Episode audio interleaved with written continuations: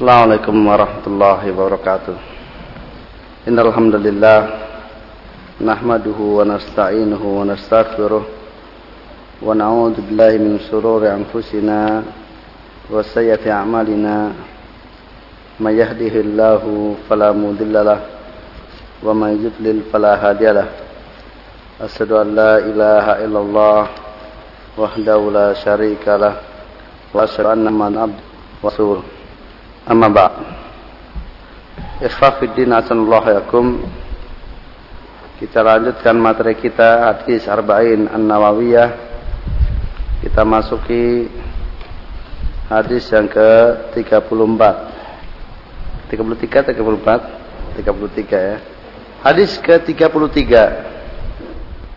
An Ibnu Abbasin radhiyallahu an Ibnu Abbasin radhiyallahu anhuma anna Rasulullah sallallahu alaihi wasallam qaal la yu'tan nasu bidawahum ladda'a rijalu ladda'a rijalun amwali qaumin wa dima'ahum walakin al-bayyinatu 'alal mudda'i wal yaminu 'ala hadisun hasanun rawahu al-baihaqi fi dari Ibnu Abbas dari Ibnu Abbas semoga Allah meridainya bahwa Rasulullah sallallahu alaihi wasallam bersabda La yu'tan nasu bidakwahum sekiranya manusia diberikan kepadanya sesuai dengan apa yang dia akukan ladda rijalun niscaya orang-orang akan mengaku amwala qaumin wa dima'ahum tentang harta kaum yang lain dan darah kaum yang lain. Walakin al-bayyinatu 'alal 'alal mudda'i.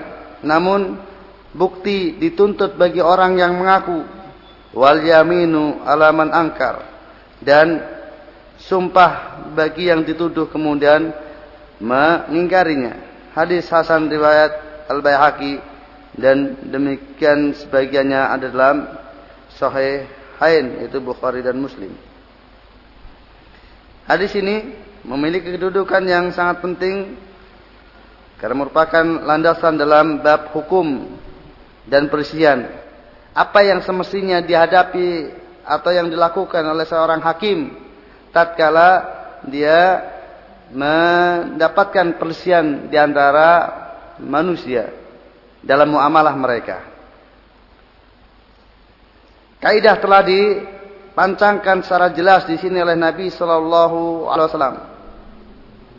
Tatkala belum menyampaikan seandainya manusia diberikan kepada mereka sesuai dengan apa yang dilakukan, maka akan terjadi kekacauan karena nanti dia akan mengaku-aku harta yang ada pada orang lain atau akan mengaku-aku bahwasanya orang lain telah menumpahkan darahnya.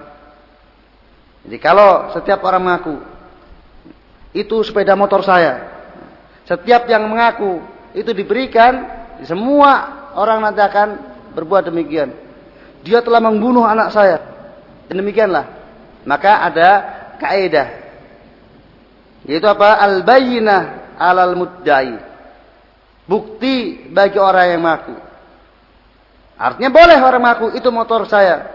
Mana apa STNK-nya dan ada bukti-buktinya bahwasanya itu memang miliknya. Sehingga seseorang yang mengaku kepemilikan yang itu ada pada pihak yang lainnya atau baik di sini mengaku harta maupun darah dalam artian orang lain telah menumpahkan darah saudaranya misalnya, anaknya atau istrinya atau kerabatnya, atau dalam bentuk-bentuk yang lainnya.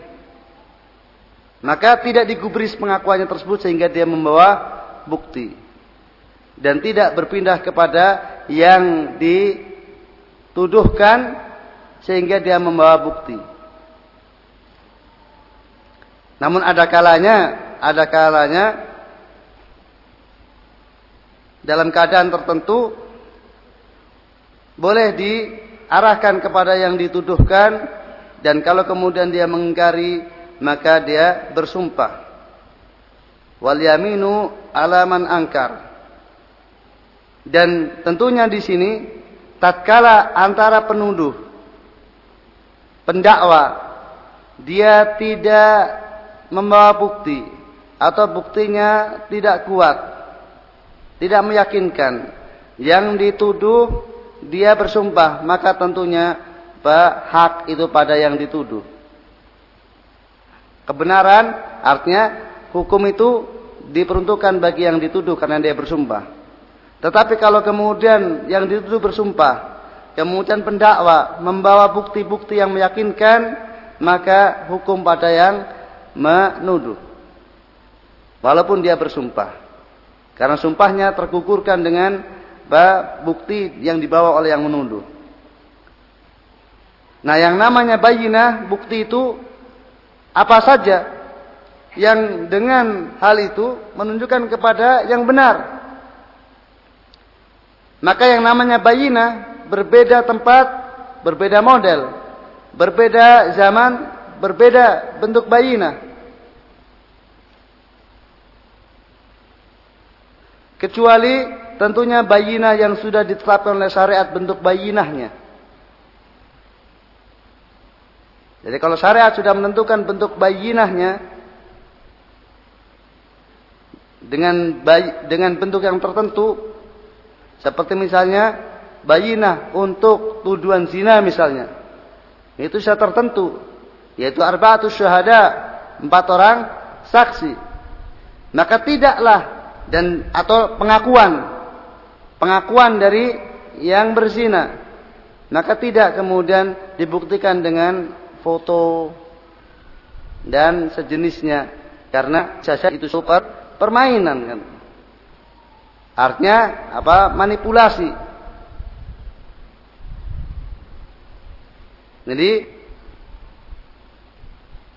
pada dasarnya yang namanya bajina itu sesuatu yang Hal itu menunjukkan kepada yang benar. Bentuknya bisa berbeda sesuai dengan waktu dan perbedaan waktu dan perbedaan tempat.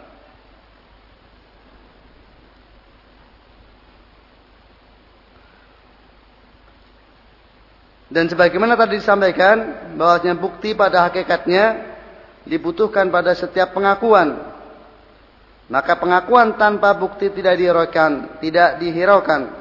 Namun ada kalanya meski penuduh tidak membawa bukti dibutuhkan sumpah dari yang dituduh jika dia mengingkarinya.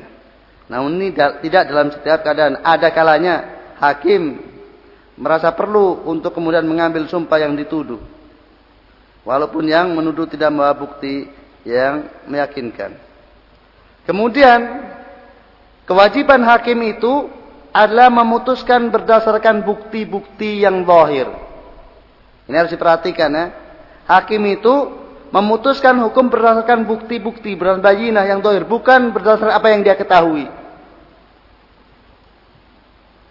Bisa bedakan antara bukti dengan yang dia ketahui? Jadi dia tahu mana sesungguhnya yang salah di antara dua pihak yang berselisih dan mana yang benar. Tetapi dia tidak punya bukti untuk membuktikan bahwa si A yang benar dan si B yang salah. Berdasarkan bukti-bukti yang diajukan, justru apa? Si B yang membawa bukti-bukti yang menunjukkan bahwasanya kebenaran ada pada dia. Walaupun hakikatnya dia tahu B salah. Jadi Kewajiban hakim itu memutuskan hukum berdasarkan bukti-bukti yang diajukan. Bukan berdasarkan apa yang dia ketahui. Jadi bukan sekedar dari sisi ini jujur orangnya. Namun ini tidak jujur. Tapi ini jujur tapi tidak bawa bukti. Ini orangnya diketahui selama ini tidak jujur. Tapi dia buktinya kuat. Maka tetap seperti misalnya suatu saat tatkala ada persisian antara Ali bin Abi Thalib kalau tidak salah dengan seorang Yahudi tentang apa baju besi atau ya Kurang lebih itu yang ada pada Yahud. Ali bin Abi Thalib mengaku itu baju besinya. Dan Al-Yahud mengkari. Itu bukan. Dan Ali bin Abi Thalib tidak bisa mendatangkan bukti. Apakah masuk akal secara Allah sallallahu alaihi wasallam Ali bin Abi Thalib dusta? Nekat orang sedemikian keimanannya kemudian nekat mengaku barang yang ada pada tangan orang lain itu miliknya Namun Ali bin Abi Thalib tidak punya bukti akan tuduhannya tersebut. Maka tetap dikalahkan dan dimenangkan al-Yahud. Dan dengan sebab itu justru kemudian al-Yahud tadi masuk Islam. Karena keadilan Rasulullah SAW dia menghukum berdasarkan apa yang semestinya harus dilakukan oleh seorang hakim dan tidak lihat walaupun ini sahabatnya dan itulah orang kafir. Inilah al-adl. Maka i'dilu huwa aqrabu taqwa. Berbuat adilah itu lebih dekat kepada takwa. Dan jangan di dalam memutus sebuah hukum, memutus dalam memutuskan hukum dalam persidangan yang ada itu melihat siapa yang saya hadapi. Tapi apa yang saya hadapi? Mana yang harus diputuskan berdasarkan, ketentuan hukum itu yang harus diputuskan dan tidak melihat apakah itu saudara, apakah itu lawan. Dan di sinilah keadilan Islam dan demikianlah ahlu sunnah adil dalam seluruh sisinya dalam segala bidang. Oleh karena itu sampai-sampai ahlu bid'ah menyatakan bahwasannya terhadap ahlu sunnah, ahlu sunnah itu lebih adil terhadap kami dibandingkan sesama kami sendiri. Jadi ahlu sunnah, walaupun kebenciannya luar biasa kepada al bid'ah, tidak pernah menisbahkan sesuatu yang bukan menjadi milik ahlu bid'ah. Dalam artian, sesuatu yang tidak menjadi keyakinan bid'ah tidak dinisbahkan kepada mereka. Dan tidak menghukumi ahlu bid'ah berdasarkan lawazim, berdasarkan konsekuensi dari perkataannya tapi berdasarkan apa yang dikatakannya. Walaupun konsekuensi dari perkataannya kafir tidak dihukumi kafir, sehingga memang dia mengakui dan apa, menyatakan sebagaimana konsekuensi perkataannya. Tidak sebagaimana ahlul bid'ah dengan sesama ahlul bid'ah atau ahlul bid'ah dalam satu kelompoknya, mereka tidak berbuat adil satu dengan yang lainnya.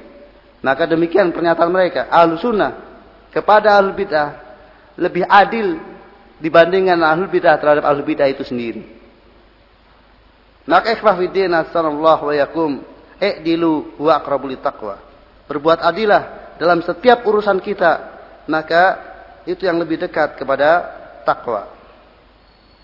Dengan demikian karena bisa jadi seseorang dia mampu menunjukkan bukti-bukti zahir sementara yang Padahal dia bukan haknya. Dia yang salah. Sementara pihak yang benar, dia tidak mampu menampilkan bukti-bukti. Karena bukti-bukti yang dia miliki sudah hilang misalnya. Maka otomatis hakim, hakim yang benar memutuskan kepada yang memiliki bukti tersebut. Walaupun itu bukan haknya. Dan keputusan hakim itu tidak berarti itu yang benar. Maka keliru kalau kemudian eh, kebenaran buktikan saja nanti ha bagaimana hasil dari pengadilan. Lah, hasil pengadilan bukan bukti terhadap yang sebenarnya. Hasil dari pengadilan, keputusan pengadilan bukan bukti tentang siapa yang salah dan yang benar pada sesungguhnya. Tapi itu bukti siapa yang benar, yang salah menurut yang dilihat oleh hakim dalam sidang pengadilan. Bukan yang dilihat hakim pada sesungguhnya. Karena bisa jadi hakim melihat apa yang sesungguhnya. Itu kalau hakim yang benar. Kalau hakim yang zalim, dia bisa jadi dalam tampilan bukti-bukti yang ada itu dia lebih secara bukti-bukti yang ditampilkan lebih kuat kepada yang satu tapi karena kedolimannya dihukumkan kepada yang tidak memiliki bukti. Namun di sini hakim yang memutuskan. Yang jelas keputusan hakim bukan bukti akan kebenaran. Oleh karena itu Rasulullah SAW dalam salah satu sabdanya yang mananya bisa jadi salah seorang di antara kalian dia lebih apa? Lebih fasih lebih bisa bersirat lidah sehingga dia mengambil hak saudaranya. Maka hendaknya dia mengambil api neraka dari apa yang diambilnya tersebut. Karena hakikat itu hak saudaranya. Karena Rasulullah memutuskan berdasarkan apa yang zahir. Dan Rasulullah tidak mengetahui yang gaib kecuali yang diberitakan kepadanya dari Allah Subhanahu wa taala oleh karena itu, tentunya kita dalam perselisihan itu harus jujur. Kalau memang bukan hak kita ya katakan bukan hak kita. Dan kita sudah belajar kemarin sesuatu yang tinggalkan sesuatu yang meragukan. Ada pulpen misalnya. Dua orang tertinggal pulpennya di masjid dengan wujud yang sama.